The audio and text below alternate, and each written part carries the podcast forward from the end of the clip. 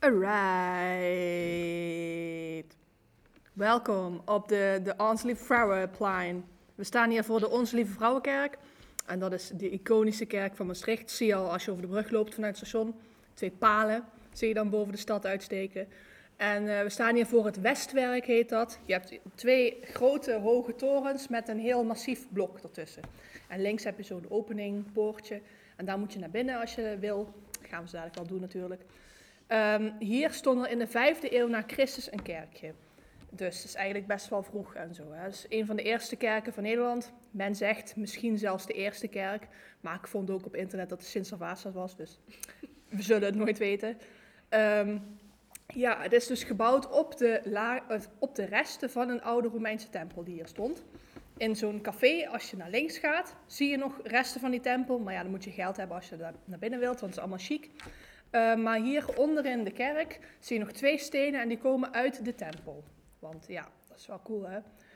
Um, als je dit hele grote blok even van onder naar boven bekijkt, zie je dat onder veel anders is dan boven. Onder heb je grove stenen, is heel massief en dik en zwaar. En boven heb je gele stenen en dat is wat minder massief en dik en zwaar. Dat komt omdat stenen bovenin, die zijn natuurlijk in een latere periode gebouwd dan de onderste. Want ja, je begint van onder en soms heb je geen geld en dan duurt het een tijdje. Dus ze zijn in een andere stijl gemaakt dan beneden.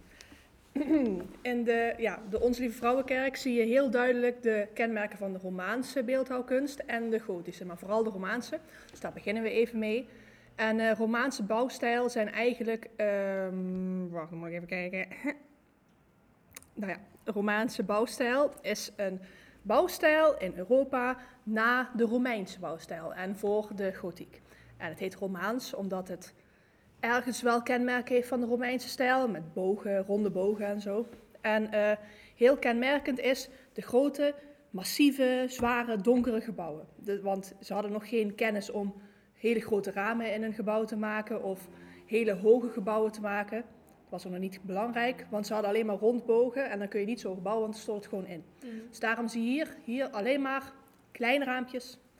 En als je naar binnen gaat, is het ook heel donker. En uh, wat je eigenlijk een beetje altijd kunt bedenken bij Romaanse bouwstijl, is dat het een soort van blokkentoren is, wat je maakt als kind. Met echt zo geometrische vormen die je gewoon eigenlijk uit elkaar kunt halen. Het zijn gewoon hele simpele vormen, heel blokkig en massief. En dat zie je hier heel goed terug. Ja.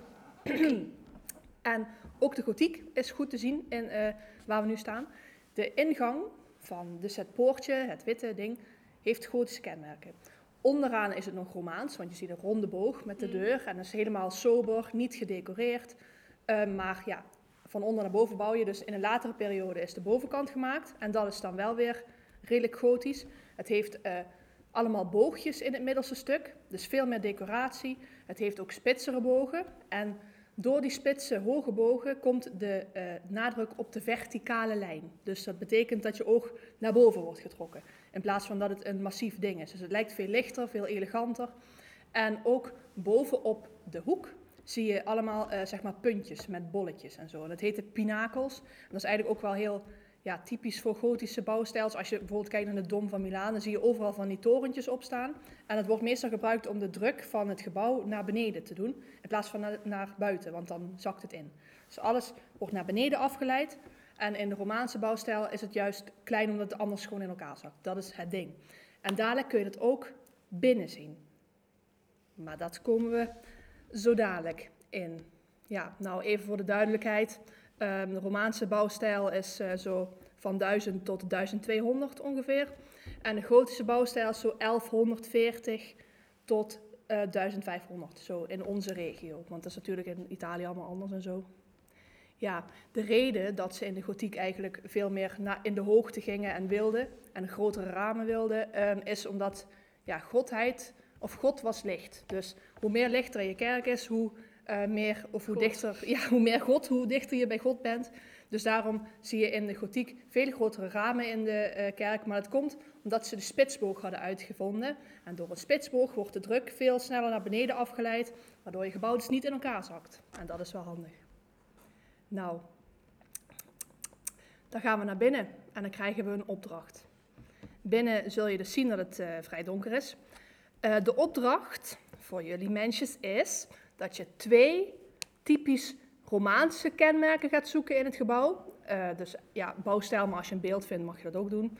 Als je zo uh, uh, geleerd bent, dan maak je dus een foto van en die stuur je door.